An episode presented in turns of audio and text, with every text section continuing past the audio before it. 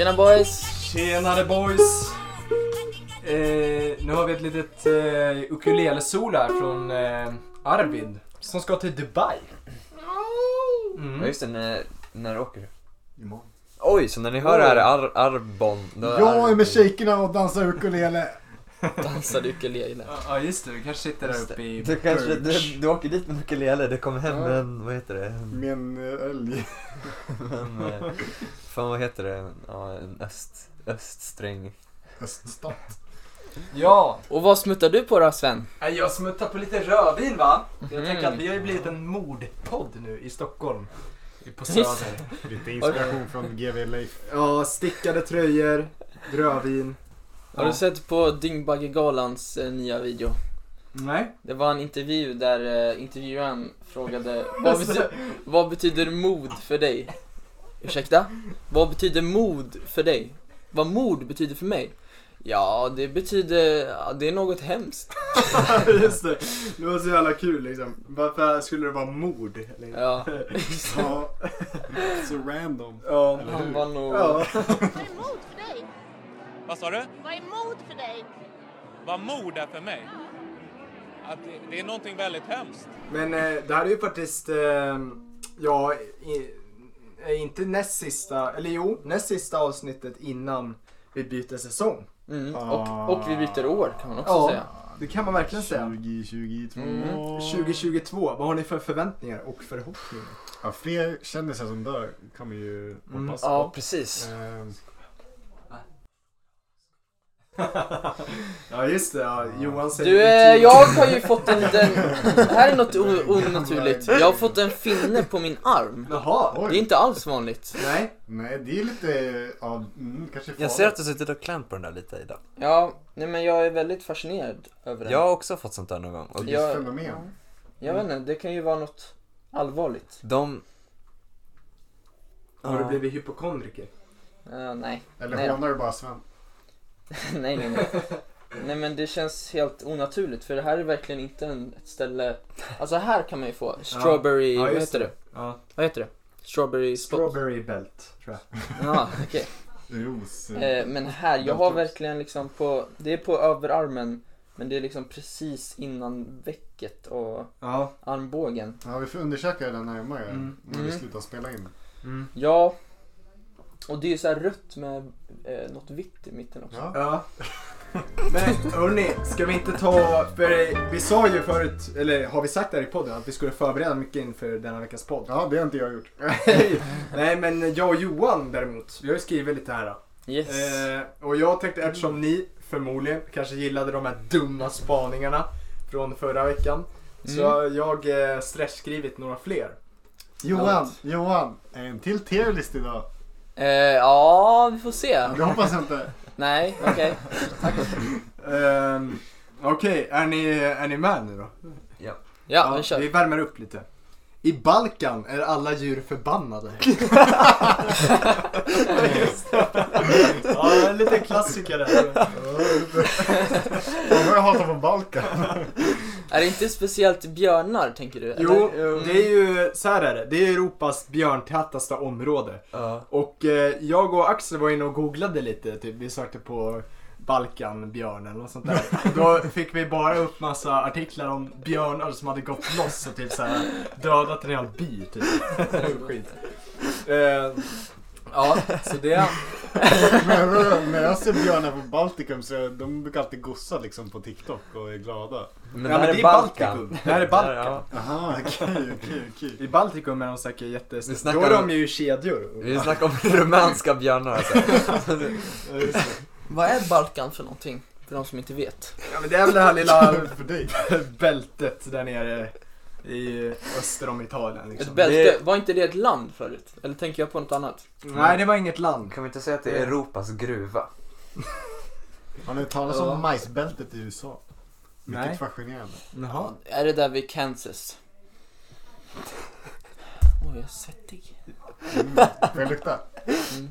Men jag vill inte. Ja, men det, det skulle kunna vara. Ross, vi har ju Rossbältet, Bibelbältet och Balkanbältet. Bibelbältet, vilket är det? Det är det Mm. eh, i Sverige. Eh, Det ligger det i Vart stramar åt? Småland smalare, stramar det igenom. Mm, okej. Men Uppsala är mycket bibelbälte också. Mhm. Eh, ja, så det var första då. Eh, då kommer andra. På Kuba skriver man dokument på bladtobak. det, Ja, Ja. det här är ju rena fördomar då. Fan vad coolt då, Eh. om man ska till printern och så är den laddad med bladtobak. ja, det är ju en stor tobaksnation och det är väl det de har eh, försörjt sig på många gånger. mm. Så då tänker jag att det är tobaksblad man skriver dokumenten på. det, det låter väldigt rimligt i mina öron. Ja, mm. ja det är kanske inte så mycket att lägga till. Eh, ja, men här kommer en, en ny... eh, Men vad tror du de skriver på den här jävla tobaksbladen då? Ja men det är säkert mycket så här, äh, alltså beställningsmord på Fidel Castro liksom. Ja, han Du tror att han är Han är redan shoppad alltså. Okej. Chopped up. Tror du att eh, Kuba hatar USA? Eh, det tror jag. Jag tror det. Mm. Så de kanske skriver sina hatbrev Ja just det. Mm. till Florida, eller vad, är, vad det Ja. är nu som är, ligger närmast, eller hur Axel? Kan det mycket väl vara. Yes! Så är det. Nu kör vi! Då har vi nästa, eh, nästa spaning här då, som är lite arkitektur. Vet ni vad brutalism är för något? Du menar arkitektur? Arkitektur kan det också vara. Mm. Eh, har ni någon aning- om vad brutalism är?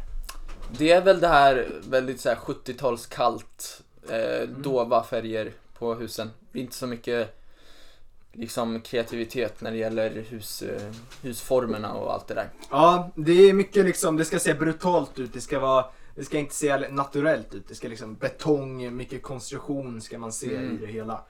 Eh, och då tänker jag mig så här. Eh, lyssnar ni nu eller? Ja, ja, ja. Eh, brutalism är coolt, men det är synd om människorna som bor i byggnaderna. Jag håller helt med. Alltså. Ja, ja. Mm. Det, för det är liksom jävligt, eh, Man, blir, man, Arrogant. blir, alltså man blir deprimerad av det. Man Ja. kan ju inte bo i brutalistiskt nej, det är jävligt arrogant för oss privilegierade människor att tycka om brutalism egentligen. mm, det är något mer man så här går förbi i 15 sekunder och kan uppskatta. Ja, inte något exakt. man lever i. Ja. Liksom. Ja, utan att tänka på liksom de som är tvungna att bo där. Liksom. Nej. Eh, yes, och eh, då kör vi eh, ja, en lite mer lokal då för oss. Oj! Eh, vid Katte ungefär. Ja. Är med Katte. Eh, Vasahuset har krympt. Ja. Mm. Det är Vasahuset. Vasahuset är deras blåa. Och eh, när, jag kollade, när jag var på hållbart samhällsbyggande lektioner och kollade ut. Då såg jag fan, det har fan krympt. Det har blivit mindre.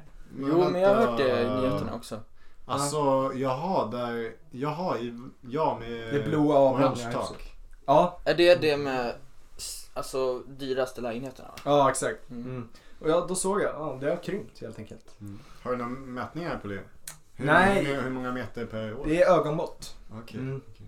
Eh, och eh, då, har vi, då har vi nästa här då.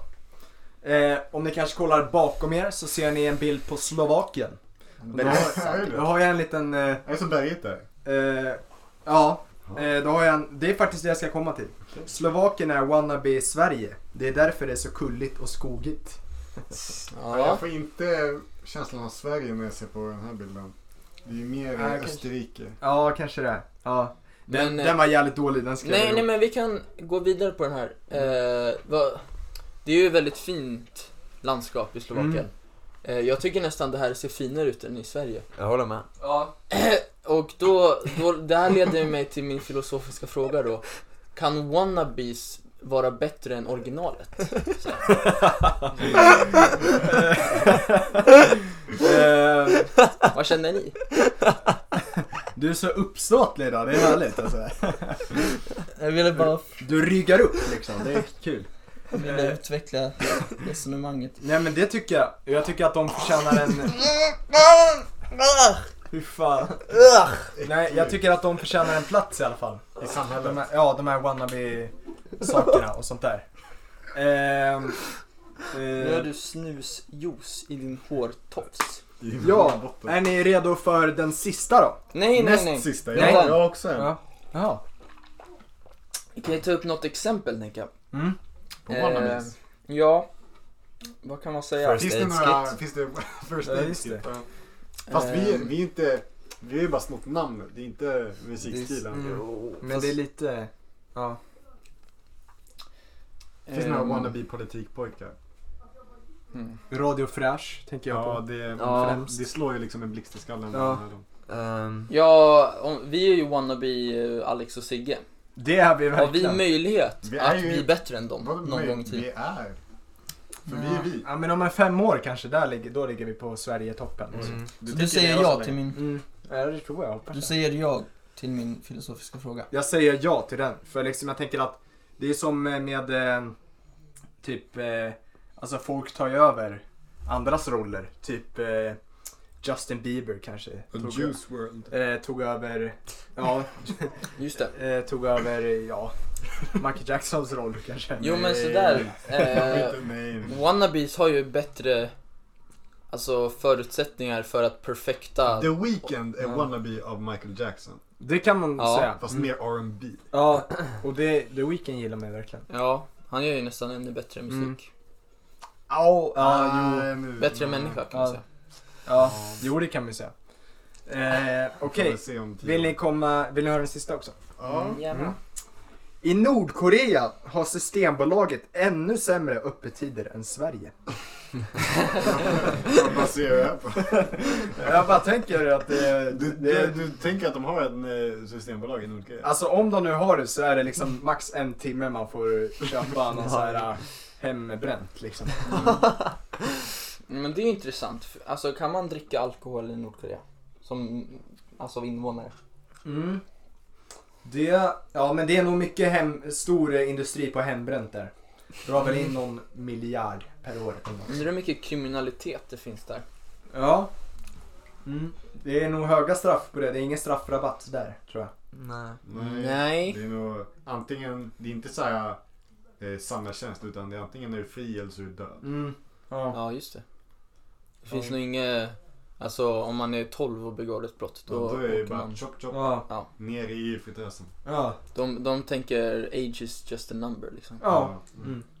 Ja. Det är mycket pedofili där också, ja. eller hur? Jo, det är svårt Va? att se det från insidan. Hallå? ja, Ja, så det var min lilla spanings... Heng shui ja. Ja. ja, just det. Du hade väl en till spaning? Ja. Är barnarbete om arbetsgivaren är ett barn? mm. Det finns ju olika skolor i det där. Alltså, ba, eller, det är ju egentligen, skolor är ju ett finare ord för definitioner då. Mm. Eh, jag tänker främst mer om jag ska ge ett konkret resonemang. Barnarbete, det finns ju två olika definitioner för det, Ja. enligt mig då. Antingen är det barn som arbetar, Ja, ja, ja. eller så är det barn som arbetar anlitad av en vuxen överordnad liksom. Ja. Så barn som arbetar och tar eget initiativ, är det barnarbete? Ja, precis. Det är, som jag sa, Om jag- det finns ju om olika jag, skolor i det där. Lilla 12-åriga Arvid skulle jag vilja, vilja, ja låt säga komponera en liten bastu. Bygga den liksom. En bastu är det väl ändå? Vi har ju pratat mycket om det här. Vi har ju sagt, snackat om det förut. Du säger bastu. Bastu. Ja, som att du är från Norrland typ. Eller hur? Och du säger Bastu. bastu, Bastu. bastu, Bastu. bastu. Ja, Ja. Säger jag, jag har ingen skillnad men? Sauna. Är du full eller? Du ser helt rödflammig Nej, jag ville bara... Nej. Nej men så här. Eh, då tycker jag att vi har kommit fram till ett svar. Eftersom att det är ju helt ologiskt. vi har inte ens diskuterat det här Johan. Men jag har diskuterat Du, det med mig själv. du sakta ner. Men lyssna. Ehm, Hur ska jag lyssna när du inte har något att säga? ja, men jag har någonting, jag måste bara formulera Få det. fram det. Han kliar överläppen. Alltså, vi som, om, när man är barn, då arbetar man ju när, alltså, hela tiden. Alltså, skolan är ju i synnerhet, eller alltså typ ett arbete. Och Mm. om man eh, jobbar för sin far, det är ju ett arbete. Men i Sverige så är ju barnarbete olagligt. Laglig barnarbete. Så då kan ju inte det där vara barnarbete, att bara arbeta för sin far. Nej. Förstår ni vad jag menar? Men Jag det, förstår. svarar du... Då borde det ju vara att, då är det ju samma sak, så här. Du sa ju, är det barnarbete, är det barnarbete om det är ett barn som beordrar ett annat? Kan inte det vara samma barn, tänker jag? Alltså jag beordrar mig själv att arbeta som barn. Det kan ju inte vara barnarbete. Så äh, inom genetiken så är det lagligt. Du tänker age Barnarbete. matters. Mm, Ja. Ja. ja, men det var det då. Vad fint. tack. Ja. Hur ställer du dig i abortfrågan då? Eh, Jag tycker det är rätt. Det är rätt. Jag Ja. tycker fler barn borde aborteras. Mm. Just det. Ja. Jag tycker fler barn borde rapporteras också. Till MUF. Ja, det är för lite rapport i denna värld. Vi behöver Ja. lite rappare i... Nästa segment då. Ja. My feet have closely followed his steps. I have kept to his way without turning aside. I have not departed. Not departed from the commandment of his lips. I have treasured the words of his mouth more than my daily bread. But he stands alone, and who can oppose him? Jag har ju kollat på en liten serie under senare tid. som jag fascineras av. Vad heter den? Den heter så här The Leftovers. Mm. Är det som i liksom Thanksgiving leftovers eller är det Ja, samhällets leftovers? det är, precis. Det är samhället skulle jag säga. Eh, tre säsonger, 2014-2017. Eh, och den behandlar väldigt mycket religiositet. Eller hur fan man uttalar det där ordet. Ursäkta? Religiositet. Liksom religion. religion. Eh, och man kan säga att det är liksom byggt av huruvida liksom invånarna i staden den utspelar sig i tror på religion eller inte. Ja. Så låt mig berätta lite om förutsättningarna till den här serien. Mm. En dag, tre år sedan, alltså sen serien utspelar sig, så går 2% av världens befolkning bort i tomma intet. Alltså de bara försvinner helt. Eh, Varför? Det kallas departures, ingen vet varför. Eh, det kallas Varför departures. Men, eh, vilket är en väldigt så här, tydlig referens till katolska ehm, benämningen på de döda. Alltså the departed, the faith, faithful Finns det departed. ingen film som heter så The Departed? Jo, det finns det. Det är också lite samma sak. Eh, så temat av serien är liksom sorg och hur eh, diverse människor hanterar sorgen. Eh, eller förlusten då. Av eh, de här eh, invånarna. Och en karaktär i den här serien heter Matt och han är en präst. Eh, medan, eh, medans huvudkaraktären heter Kevin och är sekulär då. Det är det här som eh, min spaning kommer in på. Mm. Eh, så många närstående till eh, The Departures, eller Departed, tror på att de endast har försvunnit och kommer komma tillbaka. Eh, och Matt har ju ett fall som är lite annorlunda, men fortfarande liknande på vissa sätt. Eh, för hans fru är nämligen inte Departed, hon, hon är inte död, men hon är i ett eh, sorts komatöst stadie. Alltså, Vad är det då? Ja, men hon står liksom, hon, kan in, hon är hjärndöd kan man säga. Ja. Men hon är fortfarande levande, för hon, hon kan se saker. Mm. Men hon kan inte prata eller göra någonting. Kan hon ta in saker men inte få ut saker? Jag tror inte heller om hon kan ta in det. Jag har inte sett klart serien så man vet inte riktigt. Ehm, Kan hon andas? Det, är ju det, det är ju en väldigt populär fråga liksom. Kan kom, koma-patienter höra eh, utomstående grejer? Mm. Eh, och hon blev då, här, den här skadan var en orsak av The Departures eftersom att eh, hon var, det var en bilolycka. Och liksom de försvann så det blev liksom kaos i hela världen. Ehm, och han tror fortfarande att hans fru kan vakna upp från den här dvalan. Så förutom hans kristna tro är det just det som driver honom som person, som karaktär, som människa. Eh, och Kevin, han sekulära människan då, han förlorade inte heller någon eh, familjemedlem på den 14 oktober som eh, The Departures kallas. Dock är hans familj väldigt splittrad på grund av det här eftersom att mamman har blivit medlem i en kult eh, och sonen har lämnat familjen för att tjäna en man med heliga krafter sägs det. Jaha. Och eh, hans dotter, eh, hans dotter är det närmsta han har till familj. Men hon, även hon har blivit kallt och mentalt avlägsnat sig från familjen kan man säga. Eh, så ja, nu vet ni förutsättningarna. Mm. Så låt oss nu jämföra Kevin och Matt. Oh. Eh, båda är oftast i misär, har jag märkt. Jag är typ halv, halv, halvvägs in i serien, så ni får inte spoila någonting om ni har sett den.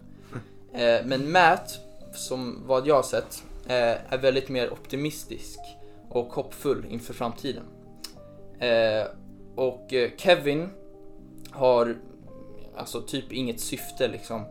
Eh, och tar, tar sig eh, an livet dag för dag. I desperat sökandes en bättre tillvaro, kan man säga. Och som djupt kristen har mätt ett livssyfte då. Eh, vilket många kristna har. Liksom. Han vill sprida Guds kärlek och buds, eh, budskap. Eller Jesus kärlek. Eh, till folket runt omkring honom. Eh, han följer en daglig rutin, arbetar för sin tro och ehm, serien The Leftovers, de nämner också att under svåra tider eller jobbiga förluster finns det bara en sak människan finner eftersträvansvärt. Mm. Ett ord som Axel gillar. har jag Dö. hört. Och det är att ha purpose, Mm. ett syfte. Syfte Ehm, i livet. Ja, precis. Så, En men eh. Kevins, Kevins essens är istället byggt på eh, ett balansförsök. Att, alltså, han vill balansera hans roller i samhället som far, son, medborgare och polischef. Det är också hans yrke liksom. Eh, så utan att spoila kan jag säga att det går inte så bra för honom. Eh, så under seriens gång har jag då bildat en liten spaning. Jag kallar det först ett scoop, men jag vet inte riktigt eh, benämning, eller alltså vad är definitionen på en scoop. Mm. Och det är då...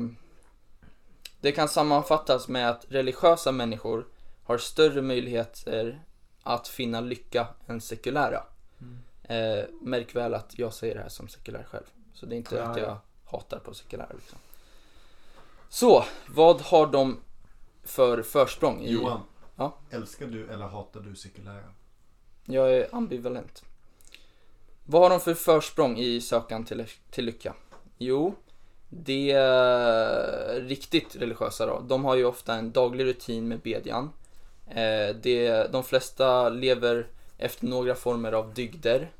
Eh, vilket kan, som jag har sett, emuleras i deras karaktärsdrag. Mm. Eh, de har lärdomar om god vilja och den gyllene regeln. Det främjar etik och god moral i, det, i livet. Eh, de finner också inre styrka från Gud då, och mod att göra rätt för folket i sin, deras närhet. Och eh, budskapet om förlåtelse är väldigt stort och känslan av gemenskap och tillhörighet är väldigt påtagligt liksom hos dem. Och de har också väldigt osjälvisk liksom, service till eh, världen, Gud, befolkningen. Yes, så det här var alltså min teori. Men eh, det, det kändes väldigt eh, ofullkomligt och byggt av fördomar. Så jag ville sätta den till test, till ett test. Oh. Därför bad jag ett antal av våra supporters, blandat med personliga bekanta, blandat med randoms, om hjälp då. Oj. Eh, jag ställde dem två till synes enkla, men egentligen väldigt frå- svåra frågor. Så det här var då de två eh, frågorna som jag ställde. Mm. Är du religiös? Och det är väldigt simpelt egentligen, men är du religiös och på en skala 1 till 10, hur skulle du betygsätta eller beskriva din lycka? Så det första jag märkte var att eh, bland våra bekanta är det väldigt Det finns en väldigt stor, stor majoritet sekulära Vilket, ja, det är ganska förståeligt eftersom att Vi bor i ett sekulärt land. Exakt, vi bor i Sverige. Ehm, och så... Ja, så därför förvandlades undersökningen till en sökan efter religiösa kan man säga. För att få liksom en mer legitimt resultat. Eh, I slutändan fick jag uppgifter från omkring 35 personer varav en fjärdedel var religiösa. Så det här är lite sorgligt då, men eh, min teori verkar inte stämma utifrån de här Ja. result- eh, resultaten. För att eh, jag drog ett snitt då, utav 1 till 10, så Men får jag bara stoppa dig? Mm. Det kan vara så att din teori ändå stämmer eftersom många kanske inte vill dela med sig av sin deppighet till Mm. en närstående. Liksom. jo, jo precis. Men i alla fall, det var 7 var snittet från sekulära Mm. och 6,5 på religiösa. Jaha. Ja, så, men ni får tänka att det var väldigt liten, lit, Mm. liten skala liksom. Eh, jag märkte också att religiösa var mycket mer sporadiska i deras eh, lycka liksom. Mm. Och eh, sekulär var mindre så, mer, många la en åtta typ. Ja. Eh, just det. Sen var det en, en eh, människa, jag tror inte, jag vill inte nämna några namn Mm. i podden för jag utlovade att jag inte skulle göra det. Eh, men han gav ett, hen, hen gav ett väldigt bra svar. Mm. Eh, så jag tänker att jag kunde läsa upp det bara. Ja. Gör det. Jag har ingen religiös tillhörighet, men religion intresserar mig väldigt mycket. Ibland läser jag om och vänder mig till olika livsåskådningar för att få vägledning och förbättrad förståelse för livet. Jag tycker att det finns alltid någonting man kan lära sig från religioner, oavsett om man är religiös eller ej. Det tycker jag är väldigt fint. Ja. Mm. verkligen. Eh, Så jag känner fortfarande att religiösa har ett bättre levnadssätt för att bygga upp och bevara en lycka Mm. genom, genom deras liv. Eh, så då är ju frågan, varför blir inte alla religiösa då? Eh, det har jag tänkt på lite. Och det jag kom fram till i mig själv då, det här är inte byggt på någon empiri som man brukar säga. Nej. Eh, men jag tänker att människor prioriterar ofta absolut frihet från utomstående influenser över alltså bättre förutsättningar till någon form av lycka. Så Ja. vad, vad känner ni för det? Vänta, säg det där sista igen. Människor prioriterar absolut frihet från utomstående influenser över, över bättre förutsättningar till någon form av lycka. Ja, Ja. men det där eh, håller jag med om alltså eftersom vi lever i ett eh, väldigt sekulärt land Mm. eh, så har man ju alltså möjligheten till att eh, eller alltså, ja vad ska man säga? Alltså alla följer ju inte samma religion liksom. Nej. Och då har man ju alltså lätt för att eh, få den här friheten som du snackade om. Mm. Men ibland är inte liksom eh, rutiner och sånt. Ibland är liksom frihet inte, det, kan inte, det är inte jättenyttigt med jättemycket frihet. Alltså rutiner är ju bra och det är liksom får en eh, det kan ju vara skönt att ha rutiner. Och det som religion är gemensamt är liksom gemenskapen och rutiner och Mm. eh, gemensam Mm. åskådning vilket kan kännas liksom betryggande. Och, Precis. Det var det jag tänkte att Alltså både, både karaktären Matt och bara så här, om man kollar generellt på Mm. hur religioner är utformade Ja. så känns det mer Alltså att de, de är mer lyckligare på något Mm. sätt. Äh, men ändå så är det många, speciellt i Sverige, som bara avskyr religion typ. Ja. Mm. Ja, jag tänker att eh, alltså religion det är mycket, man eh, tror ju det som, på det som alla andra tror på eftersom vi är flockdjur. Mm. Eh, och om alla, alltså egentligen det folk tror på och även vi, vi tror ju på liksom kanske Big Bang och sånt där. Det är ju bara, alltså det är inte något vi själva har hittat på eller eh, något vi själva har, alltså tror på egentligen. Mm. Det är ju bara något eh, alla andra tror på liksom. Och därför har vi också bestämt och accepterat att, ja men då är det väl så då. Big Bang. Ja, till exempel. Mm. Eh, För det är ju alltså, oftast en teori liksom. Ja. Eh, Finns det inga vetenskapliga belägg för det? Jo, det kanske finns det. Alltså, det är väl, alla snackar ju om det och sen så, så förmodligen så kanske det är så.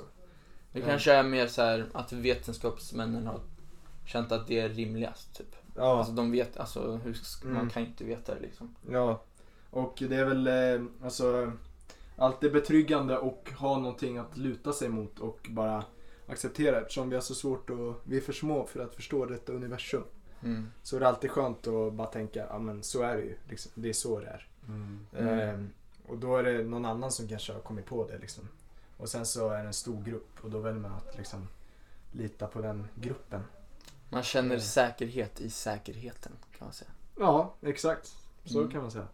Eh, nu kanske jag flöt bort lite från ditt eh, ämne med lycka och sånt. Men eh, jag tänkte bara på intressant. varför människor är religiösa kanske. Mm. Ehm, Du, så här, jag ska, så här gör vi. Jag, jag kollar klart på den här serien. Och sen rapporterar jag i podden Du, vem som är lyckligast av dem, Matt Du- och Kevin. gör så. ja, Gör det. Ja. Ja. det låter Så bra. får vi se sen. Mm. Ja. Eh, och sen så, eh, det var någon så här, alltså folk gör ju så här, eh, vad fan heter det? Ritualer. Eh, och eh, så om man frågar någon, alltså där alla gör ritualer. Varför gör du den här ritualen? Mm. Då finns det inget svar för det är som självklarhet. Det är som att vi borstar tänderna liksom. Mm. Alltså det blir på något sätt, alla andra gör det och därför gör man det själv. Mm. Eh, ja, så tänker jag. Jag vet inte varför jag sa det. men- Ja. Nu går vi vidare! Ja! Ska Ja! vi ta en liten låtpaus kanske? Ja. Tack. Åh, så jävla... Mm. Får jag smeka mig medan Ja. jag pratar? Mm. Idag bjuder jag på en, eh, Jag är lite olja i håret. om ni gillar Ja. då får jag göra lite torra fingrar så det Mm. blir perfekt. Mm. Ehm, kom lite närmare micken så att Ja. Eh, idag kommer jag bjuda på en låt, det en svensk Jag låt. Den heter vänta. Ett fall och Jag en det lösning. Hörni, Mm, jag kände också torrt. nu pratar han här. Nu, nu pratar jag. Jag Jag kommer, det var... Hallå! Mm. Idag kommer jag spela Ett fall och en lösning med Bob Hund! Bob Hund. Ja! Helt rätt. Bobby! Ja, Från Helsingborg. I alla fall eh, sångaren. Ja, ja just det. Ja.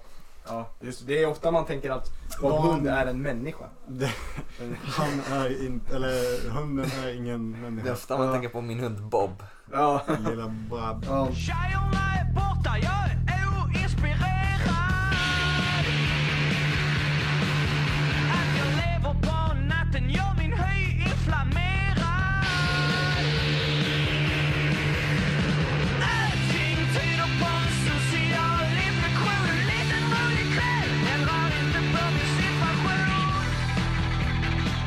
Eh, men hörni, nu tänkte jag ta upp en liten grej här då först.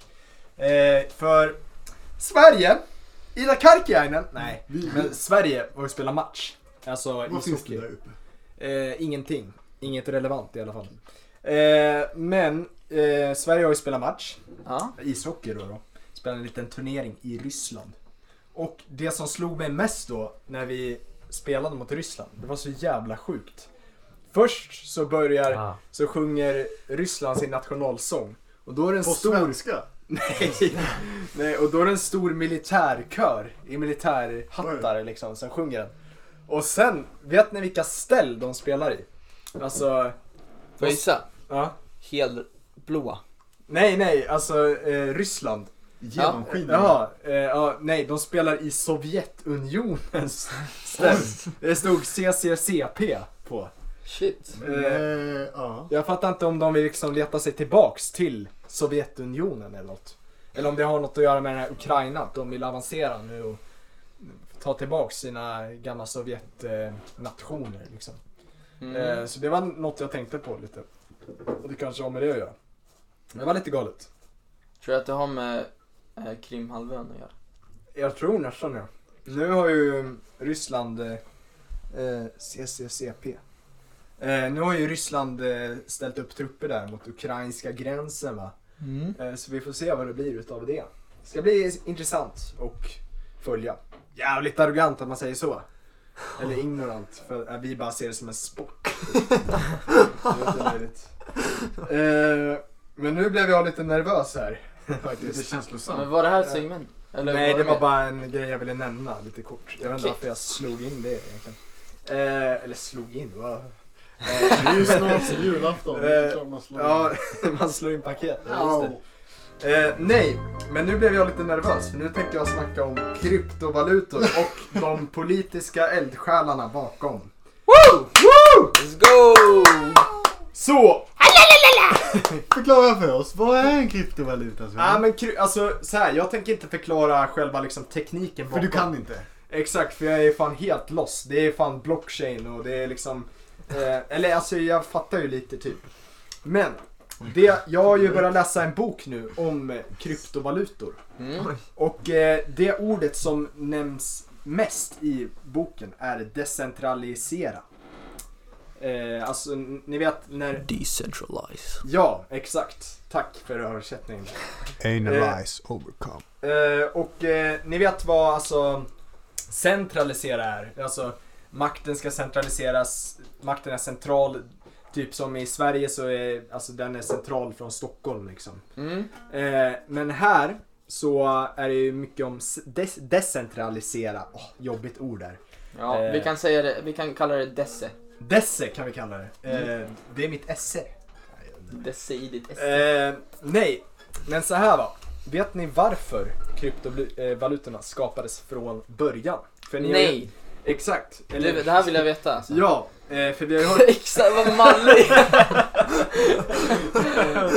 Eh, jag tänkte, alltså det, kryptovalutor är något vi har hört om väldigt mycket nu för tiden. Mm. Eh, och eh, många tror att det är för att tjäna pengar liksom. Eh, men eh, kryptovalutor startade ända, alltså det var ända bak till 1990-talet som idén kom. Alltså, 31 år sedan. Ja, som idén eh, började frodas eller vad man säger. Det var nämligen en liten grupp av, lyssna noga nu, libertarianer. Eller an- anarko-libertarianer. Anarkokapitalister. Mhm. En liten grupp med män med makt. Eh, som, eh, hade, som kallade sig cyberpunks. Eh, och eh, de, alltså hela idén med libertari- libertarianism, svåra ord där. Ja, Eh, vi kan kalla det libtards. Ja, libtards. eh, det, är, det är ju för, ehm, eller libertards kanske. Eftersom libtards, då blir det liberaler. Liber, inte det libertards, säger vi. Eh, jo, det är det. Eh, eller leben kanske. Ja. Nej men, eh, nej okej, i Det alla fall. ni älskar. Ni, ni märker att jag är lite nervös nu va? eh, nej men i alla Varför är du fall. nervös? De, nej jag vet inte. Men eh, tanken, alltså tanken med libertarianism, libertar, liber, liberism. Eh, det är att eh, ja, men, eh, staten ska inte ha typ någon makt alls. Allt ska vara eh, alltså privatägt och eh, det ska inte finnas liksom, staten ska ha så lite inflytande som möjligt. Mm. Så därför slog det dem att då, eller på 1990-talet, då så alla pengar och sånt som skickades emellan människor. Eh, de, pengarna, de, de pengarna var ju centraliserade till... Åh, wow! What the fuck? Ja, det var en katt. Hur, hur kom den dit? Den klättrade upp Var? på en stege. Kan du öppna upp och släppa ut den? Nej. Eh, Får jag klappa den? Ja. Har jag fortfarande mask? Nej, den har inte mask längre. Fortsätt. Ja, Okej, eh, vad var jag? Åh, den är Eh. blöt. Ja, men jag blir nervös när ni håller på så. Eh, nej men, eh, så nu, eller då, eller nu också kanske, då skickar man ju pengar emellan varandra. det gör jag hela tiden, men eh, pengaskickandet är ju centraliserat. Det är alltid någon tredje part som styr det och det går alltid genom någon mellanhand. Eller man. Moms! Eh, ja, eh, moms ja, men, och annat också, typ Paypal Mom. eller banker eller ja men staten. Eh, och eh, för att inte snacka om internet som eh, är väldigt, eh, det är ju Facebook och Google och de som är jättarna på internet. Mm. Och därför så ville de här anarkokapitalisterna skapa någon, någonting som eh, ja, men gick runt den tredje parten. Eh, så därför så började de skicka ut nyhetsbrev om eh, en ny internetvaluta, så att säga. Eh, som skulle gå förbi alla de här tredje parterna och göra handlandet till ett fritt spelrum. Och tyvärr också då ett fritt spelrum, eller spelplan, för kriminella och ja, allt möjligt. Sexhandel, droger, allt möjligt. Tyvärr. Ja. Om det finns någon grupp, Mm. någon folkgrupp i världen som skulle kunna starta cryptocurrency, Mm. då är det ju libertarianer. ja, eller hur? Ja. Det är, eh, alltså för det, det är det vi tänker så mycket idag, att det handlar väldigt mycket om, alltså att det är bara om att tjäna pengar och sånt där. Men hela idén bakom kryptovalutor är ju så jävla mycket politik. Mm. Så därför, så det gick ju ett tag då. Och året är 2008 om jag inte minns det rätt. Och de har fortsatt att skriva väldigt mycket i det här nyhetsbrevet om kryptovalutor. Vem, men problemet var ju att det fanns ingen som riktigt var bra på att koda och sånt där. Mm. Eh, men sen eh, tyckte de som hade startat eh, eh, det här eh, brevet då, eller vad fan heter det? Vad sa jag nyss? Eh, mail, Nyhetsbrevet. nyhetsbrevet, eller mailtråden Memo. tyckte att det blev för mycket snack om kryptovalutor. Så då eh, eh, bytte de sajt, alltså, eller de bytte liksom till en hemsida då. Eh, som heter typ bitcoin.com eller något sånt där Mm. töntigt namn. Eh, men 2008 så kommer ett så kallat White Paper ut. Tror jag det kallas. Ett vitt papper. Ett vitt papper som det kallas. Som Yellow är, paper. Va? Yellow papers. Nej, White Paper faktiskt. Eh, så, som är som ett, ehm, eh, man kan säga att det är ett manifest nästan. Eller, eller, ett stort, eller en stor sak där man förklarar sin idé och eh, vad man vill göra och så. Eh, så 2008 så skickar Satoshi Nakamoto ut ett nyhetsbrev om att han har lyckats eh, skapa denna valuta. Kallad, får jag ett namn? Bitcoin. Bitcoin. Mm. Eh, som handlar då också att eh, pengarna ska skickas pir till pir. Eh, Ah. Direkt översatt då. Eh, att det inte ska finnas någon tredje part. Eh, och eh, ja men då börjar ju det här systemet. Nu vill jag hoppa fram lite då. Eh, och eh, ja men folk börjar använda det men det går trögt i början. Eh, och vet ni vad Wikileaks är för något? Ja. Yes. Eh, kommer ni ihåg? Assange. Exakt, Assange. Eh, som, eh, han avslöjade ju massa amerikansk, eh, eh, amerikansk, he- amerikanska hemligheter. Eh, och därför så blev han avstängd från att eh, ja, men, ta emot betalningar via Paypal Oj. och sånt där. Eh, och då till slut så eh, accepterade han faktiskt bitcoin. Eh, att ta emot eh, betalningar via bitcoin. Mm. Eftersom båda hade samma idé. Båda hatade staten, eh, alltså Wikileaks eh, grundarna och eh, även eh, ja, men bitcoin-grundaren, eller det communityt liksom. Nagamoto. Yes. Eh, och eh, så här va. Nu tänker jag hoppa fram lite här va. Kör. Hoppa. Året är 2013 och eh, Vitalik Bute, Butarin, eh, ryss. Ethereum. Vitalik Butarin tror jag han heter. Wikileak, Vitalik. Kör jag. ah, inte riktigt där, men bra tanke. Eh, för eh, det var nämligen en 17-årig college-student. Wow! Japp. Det är ju som Vilonik. ja, just det. Det är väl samma där. Eh, Samma aura. Ja, eh, och eh, han eh, får då starta ett eh, nytt eh, eh, Ethereum, som det kallas. Har ni hört om det? Ethereum. Yes. Ja. Eh, och eh, han vill inte bara decentralisera pengaskickandet, eller vad man ska säga. Han vill även decentralisera hela internet, kan man säga. Är Eh, internet centraliserat? Ja, man skulle kunna tro att, vad fan, internet är väl decentraliserat. Men det är ganska centraliserat för att det har vi, vi har ju de här internetjättarna som Google. Facebook, Google, eh, ja men alla möjliga de här, Amazon, sånt där. Eh, så Vem därför... är det som har liksom själva internet? Alltså, Det, det finns ju några, Ja, just det. det finns ju typ eh, 10 pers som har en nyckel till internet. Mm. Det är faktiskt en svensk som har en nyckel. vad är det för, alltså, eller vad är liksom? För man går ju in på, Det finns ett litet rum där man behöver en nyckel. Mm. Tänk att bomba det istället. Ja. Mm. Du skulle nog... eh, PP säsong 3. Ja. Nej, men eh, då skapar han det alltså och eh, idén är att flera datorer ska, det ska vara liksom en öppen ja, spelplan då. Så att flera datorer ska liksom eh, ha den här eh, skiten tillsammans eller vad man ska säga. Det ska vara decentraliserat alltså. Eh, men det som jag tycker är så intressant är det här med anarkokapitalism. Eh, att man vill gå så långt så att man får helt galna idéer. Så därför skapar Vitalik Buterin, eller han försöker skapa, The Dao. Dao. Inte som i Daoism. Inte som i Daoism. Utan... Eh, Dow. Dow. Dogecoin. The Dow. Eh, D- D- Dow. Dow Jones. Dow Jones. ja, Eh, amerikanska aktiemarknaden. ja men fan! Hej! Hej! Hej! Skål till dig! Som knäckte koden. Eh, nej men i alla fall. DAO, vet ni vad det går ut på? Nej. Man ska släppa taget och bara låta livets vatten skölja över en och föra en till stranden. Ja, nej men så här. Bitcoin. Eh, nu ska jag visualisera det här för er. Okej. Eh, Bitcoin är alltså, tänker att man har en bunt med pengar. Och sen så ger man dem till någon annan. Det är bitcoin. Mm. Ethereum. Eh, det är att det funkar som en eh, vending machine.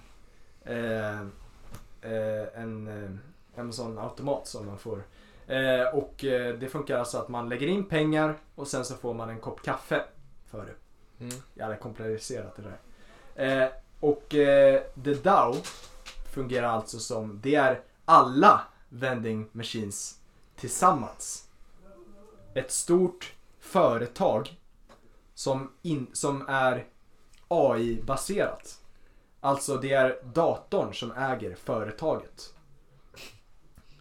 Med, och alla tillsammans. Som har lite eh, ja, som har lite av de här coinsen kan man säga.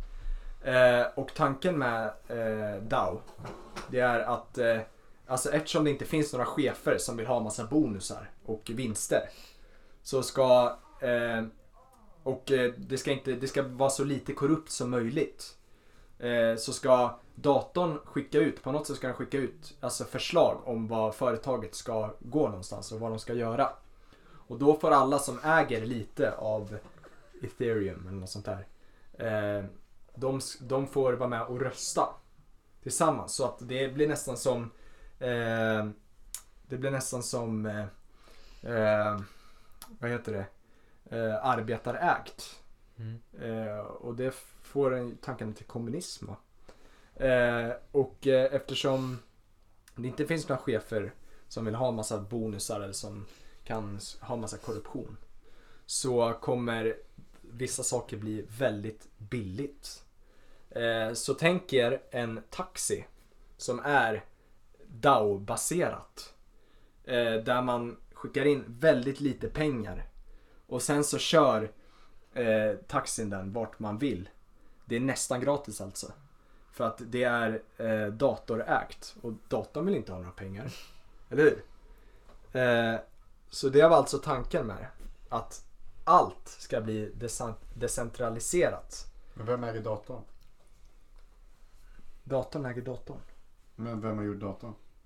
Ja, det är väl eh, Steve Jobs va? Jag vet inte. Nej, men. Jag förklarar så jävla rörigt alltså. Men. Eh, så det, därför vill jag väga in hästskons-teorin. Vet ni vad hästskons-teori är? Nej. Nej.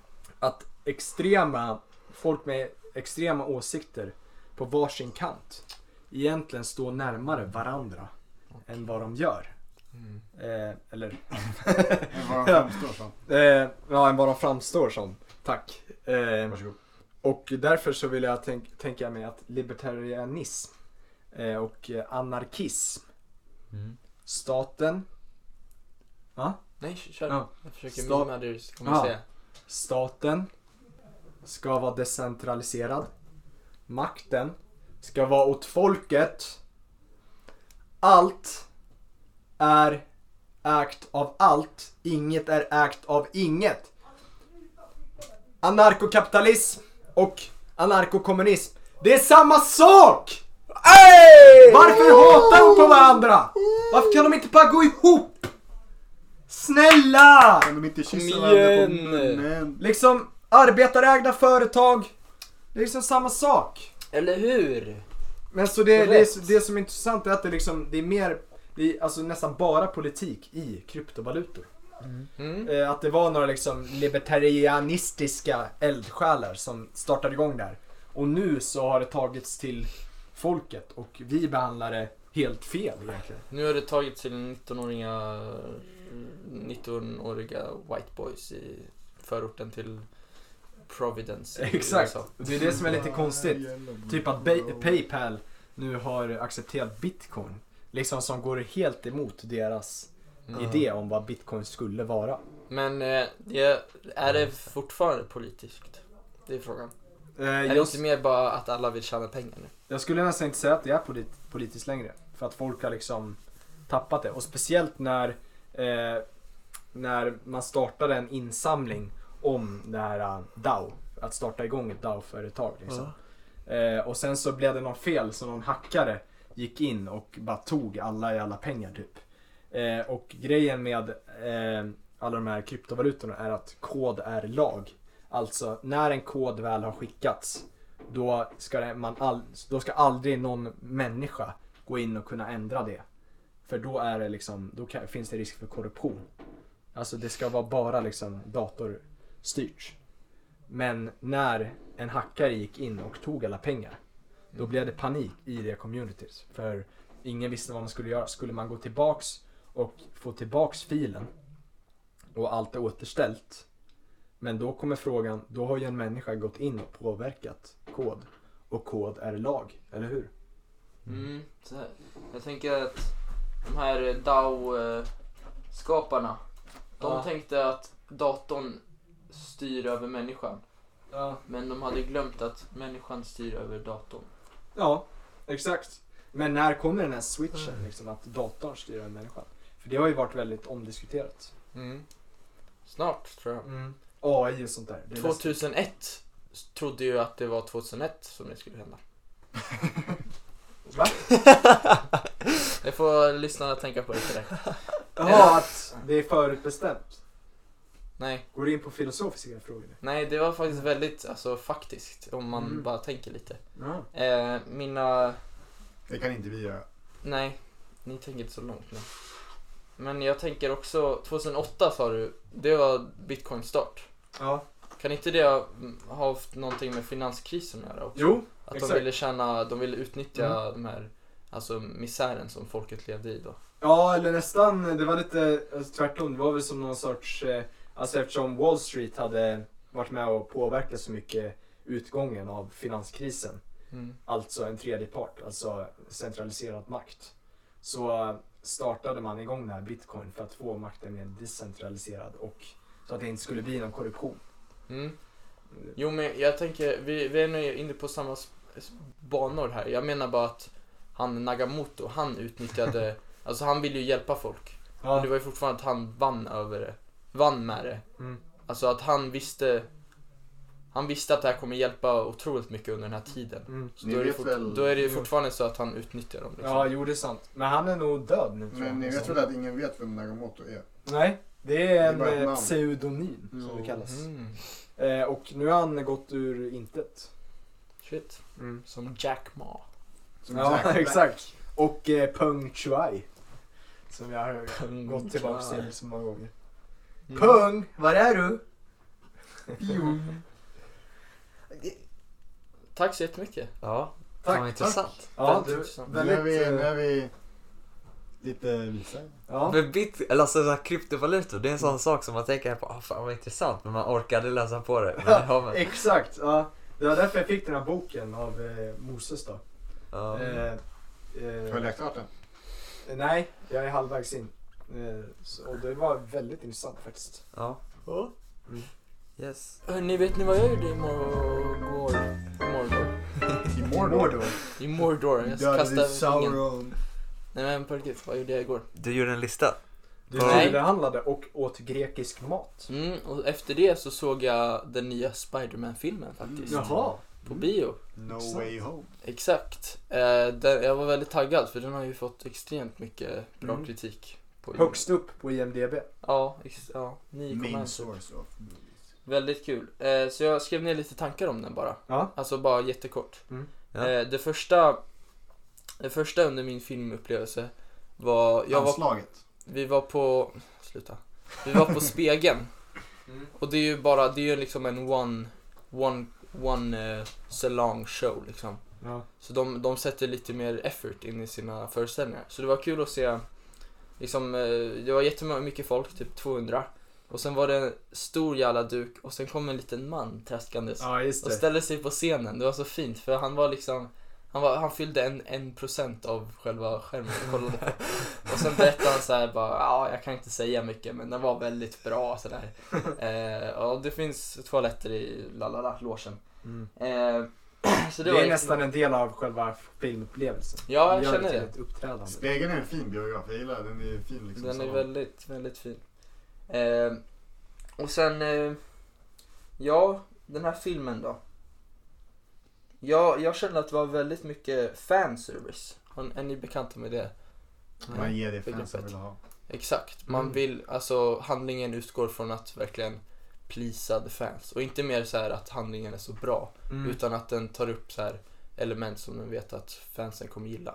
Och det är inte bra kanske. Det är oftast inte bra. Mm. Men eh, alltså jag, jag är ju ett fan av det så jag gillar det liksom.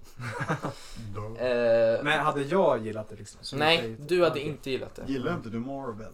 Inte jättestort fan. Vad är ditt kritik mot Marvel? Alltså om du skulle se på en Marvel-film då skulle du söka efter så här bra karaktärer, bra skådespeleri, Mm. bra handling sådär. Mm. Men, så det kanske inte är något för dig. Det har de inte, eller vadå? Jag gillar dock regissören. Han är bra på att laga mat. Men med Mm, regissör. John Favreau. Ja, det kanske han heter. Han eh, har också regisserat eh, The Chef. Ja, det är John Favreau. Ja, okej. Mhm. Eh, och sen var det en väldigt lång film också. Den Mm. var två och en halv timme. Jaha. Vilket, det känns som att det har blivit den nya standarden Ja. nu för tiden. Mm. Alltså ja, det är jättefå filmer som är under två timmar typ. Eh, men den var fortfarande väldigt händelserik, vilket inte är så vanligt. Och då Ja, tänkte jag faktiskt på Interstellar också. Ja. Som jag har sett om med min familj. Eh, och den är ju också extremt lång men händelserik. Vad tyckte du andra gången? Eller? Ja, den är helt fantastisk alltså. Mm. Jag tycker det är den bästa Nolan-filmen nu. Mm. Den har gått över Vad fint. Inception ja. Härligt. Mm. Uppskattar. Eh, och sen kände jag också att det är den mest sorgligaste, sorgliga filmen i, Spiderman. i MCU. Se, sen eh, Endgame då. Eller Mm. alltså förutom Endgame. Vilket, eh, ja, Är Endgame sorglig? den är sorglig. Mm. Infinity War också då. Men, eh, och eftersom att den var så sorglig så har jag nu tröttnat på han Tom Holland som spelar Spiderman. Jag har tröttnat på Jag har hans aldrig sad gillat face. Hans sad face, så jag har tröttnat Mm. på det. Hör ni? Jaha. Jag, jag Hur ser han på hans sad face ut då?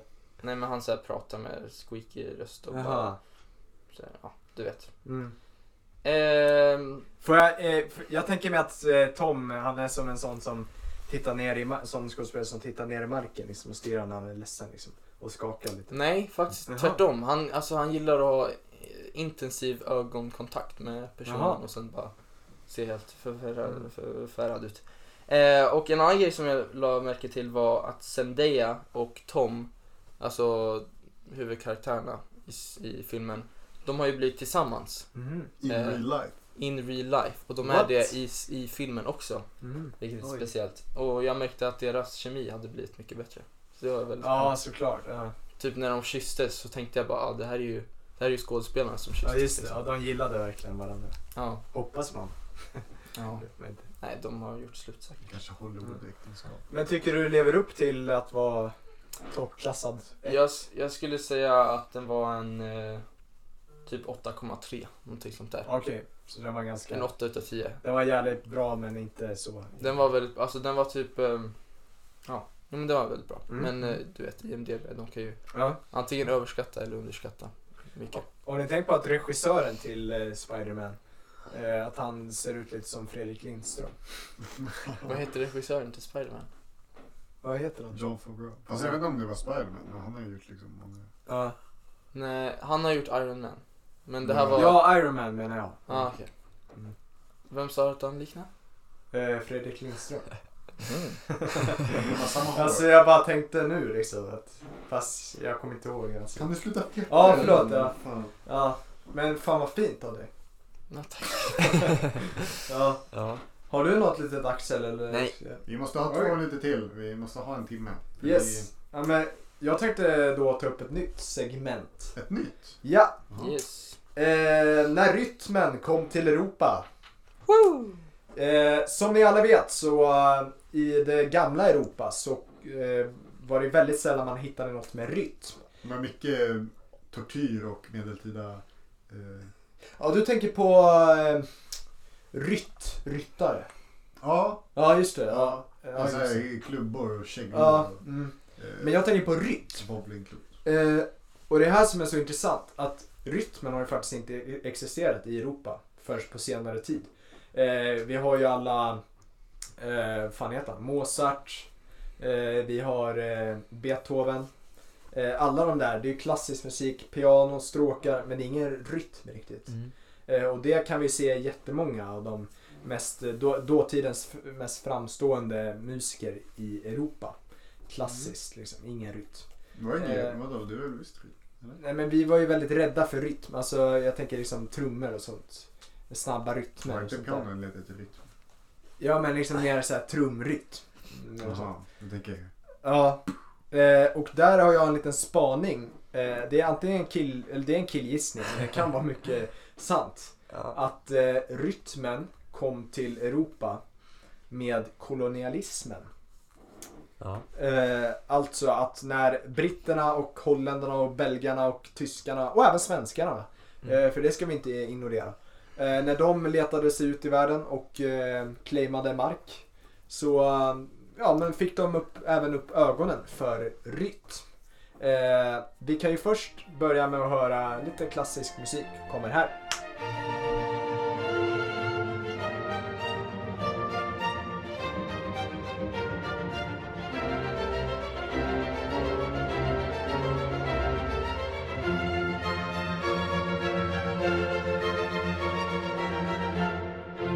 Ja, Mozart, ni vet. Var det eh, Flight of the Bumblebee? Det var det faktiskt. Var det? Ja. Oj, nice. Eh, Fast det är ju... Jag vet inte vem det var. Men det är inte... Ja, och här så kommer vi höra lite afrikansk musik.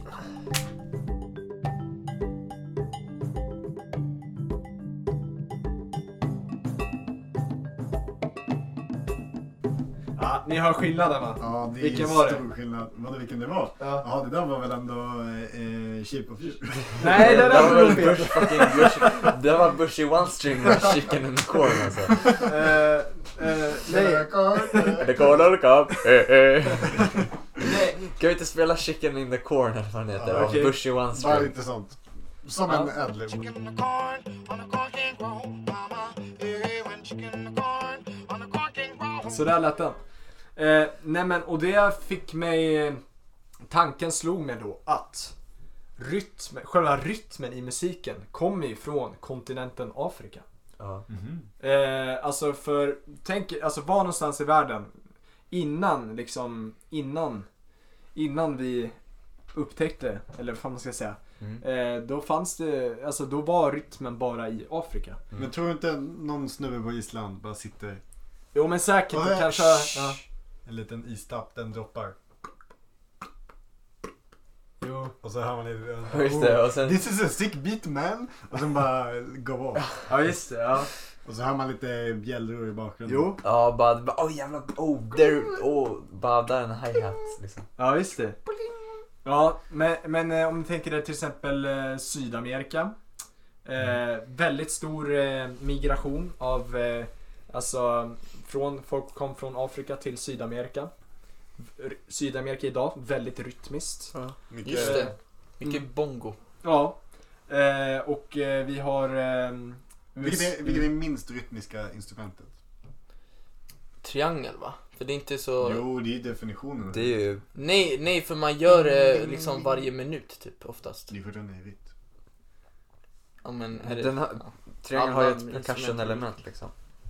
Jag Ja. tycker, Jag tycker harpa. Harpa. Ja. Eh, men, eh, ja men så i alla fall, därför vill jag alltså säga, alltså tro i alla fall, på att eh, rytmen kom till Europa i takt med kolonialismen.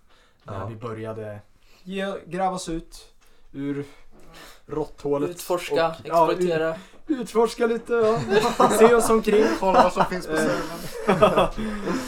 Ehm, ja, och där så all rytm kommer egentligen från Afrika. ja, Mm.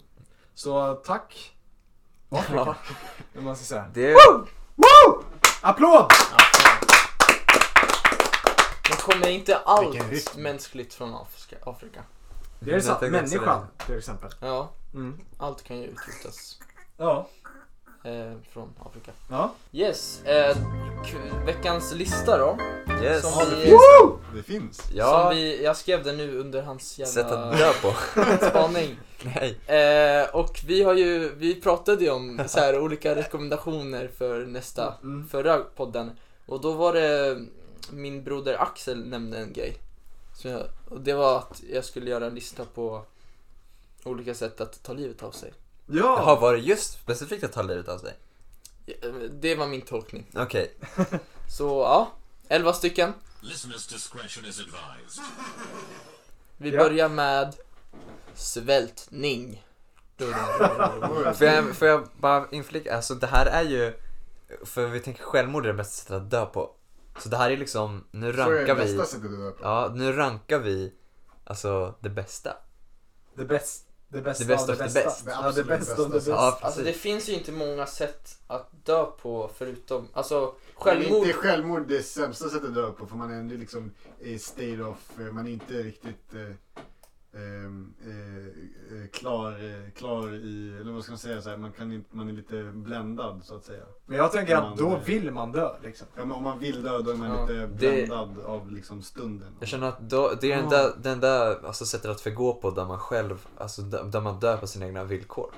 Om Ja, man inte, Men man det är väl ändå om man ligger om man på dödsbädden och nöjd med sitt liv, det är väl ett ganska skönt sätt att dö på. Ja, just det. det är sant. Ja men då är det också väldigt lång, i- lång tid. Istället för att dö liksom av ren förtvivlan. Ja. Men man brukar Men man oftast måste- vara ganska glad innan man tar livet av sig, har jag hört. Att man är ja, men men det- det har jag hört det sätt. någonsin. Jo Men men, det är ganska- Gärdestad, men det är ganska tragiskt om man, om man tar livet av sig alltså för att man mår dåligt. För då är det inte att man vill dö, då är det att man inte vill lida vill mer. Precis. Så, men om man, om man, tänker, om man ser på självmord mer som martyr, att man dör för sin egen tro. Eller alltså man, Ah, man dör ja. som, Mm. alltså förstår du? Man sätter punkt för Jo, sig jag själv. förstår. Ja. Istället för att alltså, det här är mer, det här är mer att man inte vill lida längre så att man vill. okej. Så det här är en mer tragisk lista. Ja det här är mer tra- tragiskt kan man Men- säga. ja. Så vi har svältning på nummer 11. Väl, får jag kommentera det? Väldigt alltså, sjukt sätt att ta livet av sig. För Ja, man kan ångra sig så många gånger. ja just det. Eh, Man är liksom så fast besluten om att nej, jag ska fan svälta mig till döds. Ja, det finns ju olika Det faktorer blir ingen i... eh, sista måltid där. nej, just Det det. finns ju många faktorer i alltså, hur, eh, hur man ska ratea det här. Och Ja. en grej var alltså själva tidsaspekten. Ja. Och jag tänker svältning är ju värst på det. För man bor en så här, tre veckor och så Ja, nu kommer jag dö liksom. eh, och sen på tionde, kompi, eh, på tionde plats har vi B-kompis. Vad är det där då? Be en kompis att ta liv. Alltså, Ja, ben kom. Men vänta, så här är Nej, och, och, om, det finns, om det ska finnas en lista på sämsta sättet att dö, då måste det ändå vara drunkning. Drunkning är längst ner. För det Men Be en kompis känns ju jävligt sjukt. ja, det, jag tycker men jag, det är jag tycker drunkning på 10 för det verkar så hemskt. Eh, du kommer äta Ja. upp de orden när jag säger på nionde plats eld. Oh. Nej. Alltså man slänger sig in i ett bål. Man eldar upp sig själv. hellre Ja. eld än drunkning. Men där, är, där tänker jag att det finns en del liksom, man gör det av protestskäl. För det finns många protestanter som Ja eldar just det, upp sig. som, eh, vad heter han? Han Eh, i- i, eh, vad heter den? Arabiska våren? liksom. Ja exakt, arabiska våren där i Tunisien. Ja, precis. Ja. Eller Ja, sa, det är ju samma med svältning också. Man brukar ju svälta som protest. Ja. Eh, ja, på åttonde plats drunkning. Och sen på sjunde plats har vi kniv. Bara kniv! Alltså kniv sådär, kniv Jaha, sådär, ja. kniv sådär, ja. kniv i the bowels liksom. Ja. Eh, ja, väldigt... Kanske inte det längsta men väldigt, alltså det mest traumatiska sättet att dö. Alltså att man bara ser sitt eget blod liksom rinna ut. Det är väl ändå lite vackert? Ja, det är poetiskt men det är också väldigt hemskt liksom. Mm.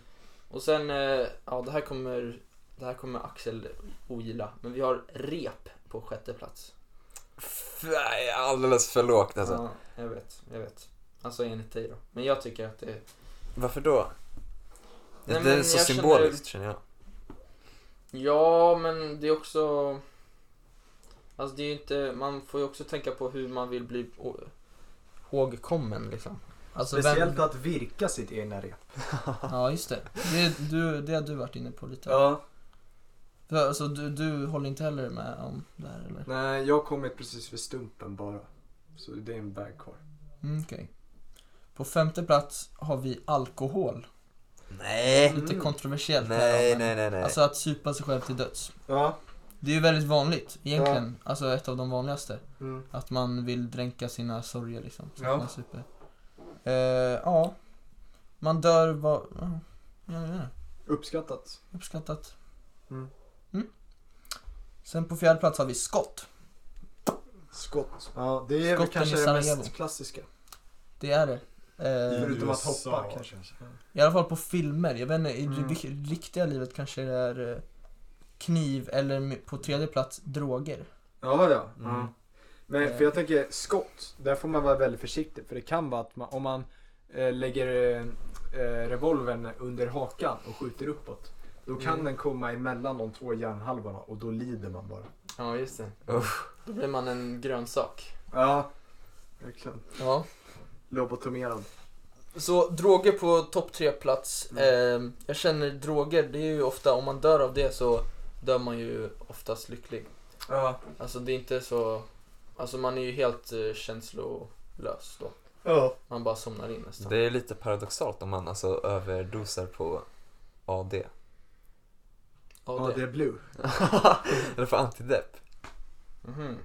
Jaha, jag trodde det. Jaha, det är väldigt paradoxalt. här, visst. Ja, just det. Ja, men jag tänker mer på typ heroin eller någonting. Jaha. Ja. Eh, det är ju ofta så att det mm, inte är med meningen, vilket är ganska hemskt. Jag har ju sett det på typ Mac Miller. Ja. Ingen vet egentligen. Och samma med Avicii. Mm. Man vet inte om, han, om det var meningen eller inte. Men. Och sen eh, min personliga favorit på andra plats då. För jag tänker mer pragmatiskt på första. Eh, men andra plats är hopp. Mm. Hoppa. Du har satt väldigt så här, du har romantiserat det genom att satt väldigt eh, lustiga ord. Mm, jag vet. Nej men där var... det här... Det är som Bamses ranking. Nej men det var stressskrivet så jag ville bara få Ja, ut det jag liksom. Eh, nej men jag älskar ju liksom, eh, jag, jag är sugen på att hoppa fallskärm och jag älskar höga höjder och så här utsikter. Du älskar höga höjder. Ja, Vad fan är det för statement? Nej, det är mitt statement. Du gillar inte utsikter, du gillar höga höjder. Jag sa både och. Ja men då kan du säga att du gillar utsikter. Men eh, Fast- man, men man vad är- kan vad inte se skärm- utsikter utan höga höjder och man Om kan inte se höga höjder utan Om utsikter. du bortser från utsikten. Vad är det som- Vad är det som lockas med höga höjder? Adrenalinet kanske? Adrenalin, mäktkänslan. Eh, känslan att när som helst kan jag ta livet av mig liksom. Det är sant. Så jag gillar den i alla fall. Och sen på första plats har vi gift. Vad fan? Fan vad sjukt. Och det känner jag är liksom det, det mest sakliga, liksom det mest eh, Men gift, det känns det bara... praktiska sättet att ta livet Känns äckligt. Det är väl så de gör det, så, så här lethal injection. I, Ja, precis. Eller ta en liten sup sådär som han eh, ryska under rättegången gjorde. Ja just det. Mm. Oh, shit, det där var en sjuk film alltså. Det är också ett Film, ganska... Eller videoklipp liksom. Man lider inte så mycket heller. Mm. Alltså inte så länge. Liksom. Nej. Goodbye. Mm. Ja. Tack för en lista. Tack! Får vi se vad det blir nästa lista. vecka. Underbart. Ja. Ja. Kanske det blir om... Eh, ja, kan det vara? ja Segling. Segling. Kanske, jo. Vatten. Men annars kan jag komma med en liten lista. Det kan du absolut Den kan, göra. den, den, men du kan också göra en lista. Nej, men du, du kan ta över min roll. Du kan bara snatcha upp den rollen Mm. som jag har. Snatcha upp den i anus. Nej men köp! På riktigt, köp. På riktigt, köp. Ja hörni, listor ska vi vara glada över. Ah, Eh, lista, Ja. lyssna! på vad Vänta, vänta, vänta, vi måste ha någonting mer än det Ja. där. Nej. Alltså vi kan inte sluta med hur man tar livet av sig. nej, det är sant. Ehm, Hur ska ni fortsätta leva? nej, Nej. en god sak. Lika ersättning på svenska landslaget. Ja!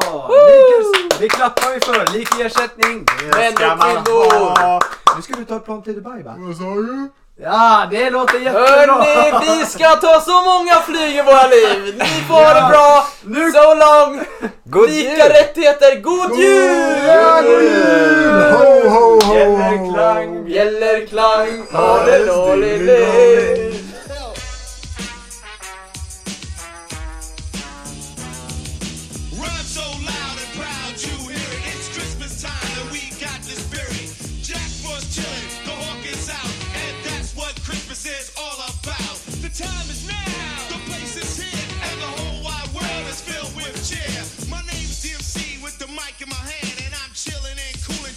a snowman.